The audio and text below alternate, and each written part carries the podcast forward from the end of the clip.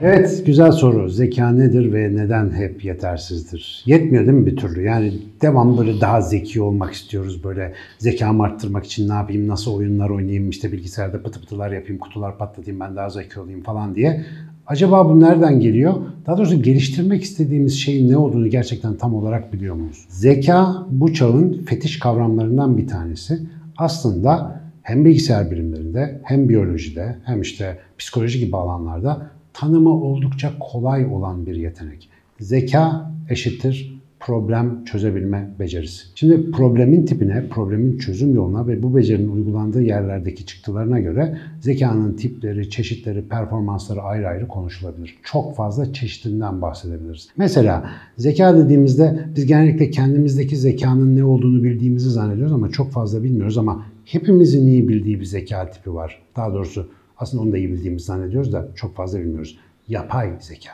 Nedir efendim yapay zeka? Bilgisayarlara işte yazılımlar marifetiyle onların işlemci güçlerini kullanarak şimdilerde bir de öğrenebilir versiyonunu yaptığımız çeşitli problemleri çözen algoritmalar yükleyebilme becerimize yapay zeka diyoruz. Bu aslında bizim becerimiz, bilgisayarın bir becerisi değil ya da oradaki programın tek başına bir becerisi değil. Öyle algoritmalar, öyle programlar yazılmaya başlandı ki siz bu tırnak içinde bilgisayardaki zekaya veri sağladıkça bu aldığı verilerden daha önce kendisine algoritması kodlanmış sorunları çözmek bir tarafa onu yaparken bir taraftan da verilerden ve çıkarttığı sonuçlardan öğrenerek bu sorun çözme yeteneğini kendi kendine iyileştirebiliyor. Bu bizim insanoğlu olarak hani eriştiğimiz en üst teknolojik basamaklardan bir tanesi. Hatta biraz e, korkuyoruz da hadi itiraf ederim hani yapay zekalar dünyayı ele geçirip de bizi işte kendilerine köle yapacaklar mı falan gibi bilim kurgunun en ana temalarından bir tanesidir. O ayrı bir tartışma konusu ama yapay zeka dediğimiz şey gayet güzel tanımlanmış bir zeka biçimi. Bir başka versiyonu bizde de var. Bizim zekamız da var ve bu zekamız çeşitli problemleri çözmek için kullandığımız, belki de bilgisayar kadar basit algoritmalara dayanmayan ama neticede belli adımlarla çalışıp belli sorunları belli şekilde çözebilen bir kapasite. Peki biz insan olarak ne tip sorunları çözmek için tasarlanmışız ya da hangi sorunlardan geçerek atalarımız bugünlere işte bize bir takım özellikler miras bırakmışlar ona baktığımızda İnsan zekası pek de öyle tanımı kolay bir şey değil.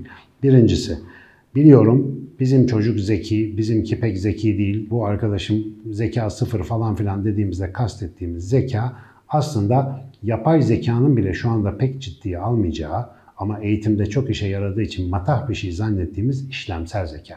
IQ ile ölçtüğümüz bir şey. Mesela bu IQ testini bilirsiniz. E, zekamıza işte belli sorular sorarak bir puan biçilen bir test tipidir. Özellikle 1960'lardan, 70'lerden, 80'lerin sonlarına kadar çok popülerdi. Niye popülerdi? Anlaşılır bir tarafı var. IQ testinden yüksek puan alan çocuk eğitimde de yüksek not alıyordu. Eğitimde yüksek not almak biliyorsunuz yakın bir zamana kadar dünyanın en önemli işiydi. Zira eğitimde yüksek not alamıyorsan salaksın, sen burada dur, öl, işte para kazanma, neyse harcanabilir bir şeysin. Ama eğitimde yüksek puan alıyorsan bütün yollar senindir gibi bir algımız vardı. Ama ve zaman içerisinde hele hele insan zihninin başka dehlizlerini ve yeteneklerini keşfetmeye başladıkça bir de bu yüksek IQ'lu çocukların büyümesini izleyip de onların bazılarının dramlarına şahit olmaya başlayınca ilginç bir şey görmeye başladık. Bu işlemsel zeka, hatırada bir şeyleri tutabilme, matematik işlemleri yapma, hemen algoritmaları kıvırıp da işte efendim onları akılda tutabilme gibi bir zeka, yaşamda başarılı olmak, iyi ve yetişkin bir insan olmak konusunda bize çok yardımcı olmuyormuş. Hatta fazla yüksek IQ'lu insanların toplumdaki entegrasyon ve iş görebilme konusunda ciddi sorunlar yaşadığını yani dezavantajlar olduğunu fark etmeye başladık. Tam da o sıralarda ben üniversitede okurken işte 90'lı yıllarda ben duygusal zeka diye bir şey çıktı. Ne dediler? Hmm, IQ o kadar da önemli değilmiş. Önemli olan duygusal zekaymış. Neydi duygusal zeka? Duygusal yani son derece kompleks ve pek böyle algoritmaya tarife dökemediğimiz iletişimsel, sosyal ve duygusal sorunları anlayabilme, fark edebilme ve onların bir şekilde üstesinden gelebilme becerisine gönderme yapan bir kavram. O zamanlarda çok moda olan bu kavram bugün ne durumda? Bugün o da biraz gözden düşmüş durumda. Çünkü duygusal zeka diye bizim anlayabileceğimiz zeka tiplerinden birine benzetmeye çalışıp formüle etmeye uğraştığımız şey bizim zannettiğimizden çok daha fazla karmaşık çıktı. Özetle zeka problem çözme becerisi hala bu tanım geçerli.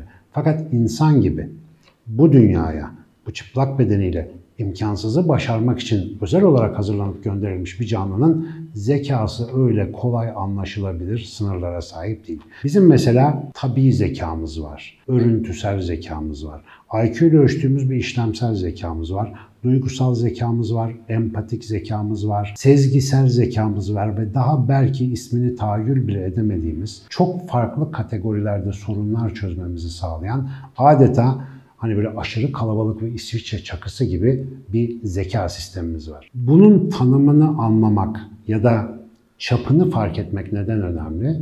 Benim çocuğum zeki ya da yeterince zeki değil.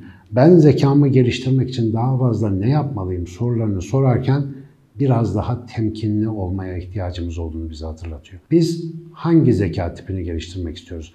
Basit bir örnek vereyim. Duyduğunuz isimleri aylar yıllar sonra tekrar hatırlayabilmek bir zeka tipidir. Bu hafızayı kullanabilmekle alakalı bir zeka bölümüdür ve bazılarında bu çok iyidir. Ama bu kısım bende çok zayıf. Ben isimleri hatırlayamıyorum. Ama bir yüzü gördüğümde o yüzü kolay kolay bir daha unutmuyorum. Filmlerdeki figüranları başka filmlerdeki figürasyonlarda ayırt edebilecek kadar yüzlere duyarlılığım var. Peki normal eğitim sistemi ve kültürün bana dayattığı gelişim algoritmasına göre benim ne yapmam lazım? İsimleri hatırlayamıyorum. Dolayısıyla bu zayıf özelliğimi genişletmeliyim. E, yüzleri zaten hatırlıyorum. Ona bir şey yapmaya gerek yok. Halbuki tabiat böyle çalışmaz. Her canlı, her birey güçlü olduğu tarafa yatırım yapıp onu daha kolay geliştirebilme potansiyelini de içinde taşır. Yani siz bir zeka tipi açısından muhtemelen hem yetişmeniz hem genetiğiniz hem çevre koşullarınız itibariyle daha avantajlı olabilirsiniz. Ama etrafımız bize hep ne söylüyor? Matematikten anlamıyor bu. Kafa matematiğe basmıyor. Özel derse gönderelim. Sürekli matematik çalışsın.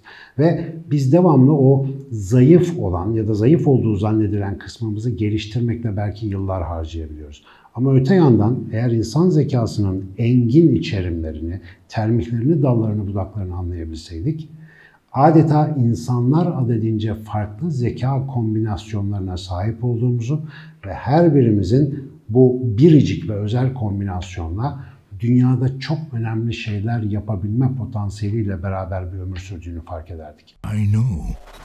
Most of you are looking at the subtitles to understand what I'm saying. You can't escape from English anymore. If you come to Yadasa Academy, you too will get a kick out of movies. Yani özetle zeka güzel bir şey. Allah zekadan uzak tutmasın. Ama zeka tek tip değil. Zekanın birçok tipi var.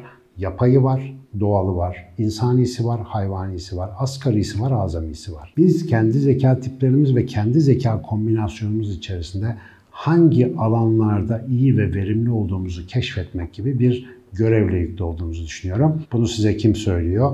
Yaşamının biraz geç bir döneminde aslında konuşma zekası diye bir şeye sahip olduğunu fark edip onun üzerine gitmeye karar veren birisi olarak sizinle konuşuyorum. Hiç pişman değilim. Yani konuşmak, işte efendim isimleri hatırlamak gibi e, bazen çok havalı olmayabiliyor ama üzerine giderseniz bir süre sonra bütün hayatınızı bunun üzerine geçirebiliyorsunuz. Tabii etraftaki bazıları diyor ki çok konuşuyorsun. Haklılar evet çok konuşuyorum ama bu konuya biraz yüklenince bazı yan etkileri de oluyor. Zeka hepimizde bize yetecek kadar var ama hiçbirimizde modern yaşamın istediği makinevari bir insanın üretebileceği bir zeka tipi yok. Çok şükür ki yok. Yoksa hepimiz robotlara dönüşürdük. O yüzden çok da şey yapmamak lazım. Zekanız gayet iyi. İyi olduğunuz tarafı geliştirdiğinde hepimiz çok daha iyi olacağız ve birbirimizden çok daha iyi faydalanabileceğiz.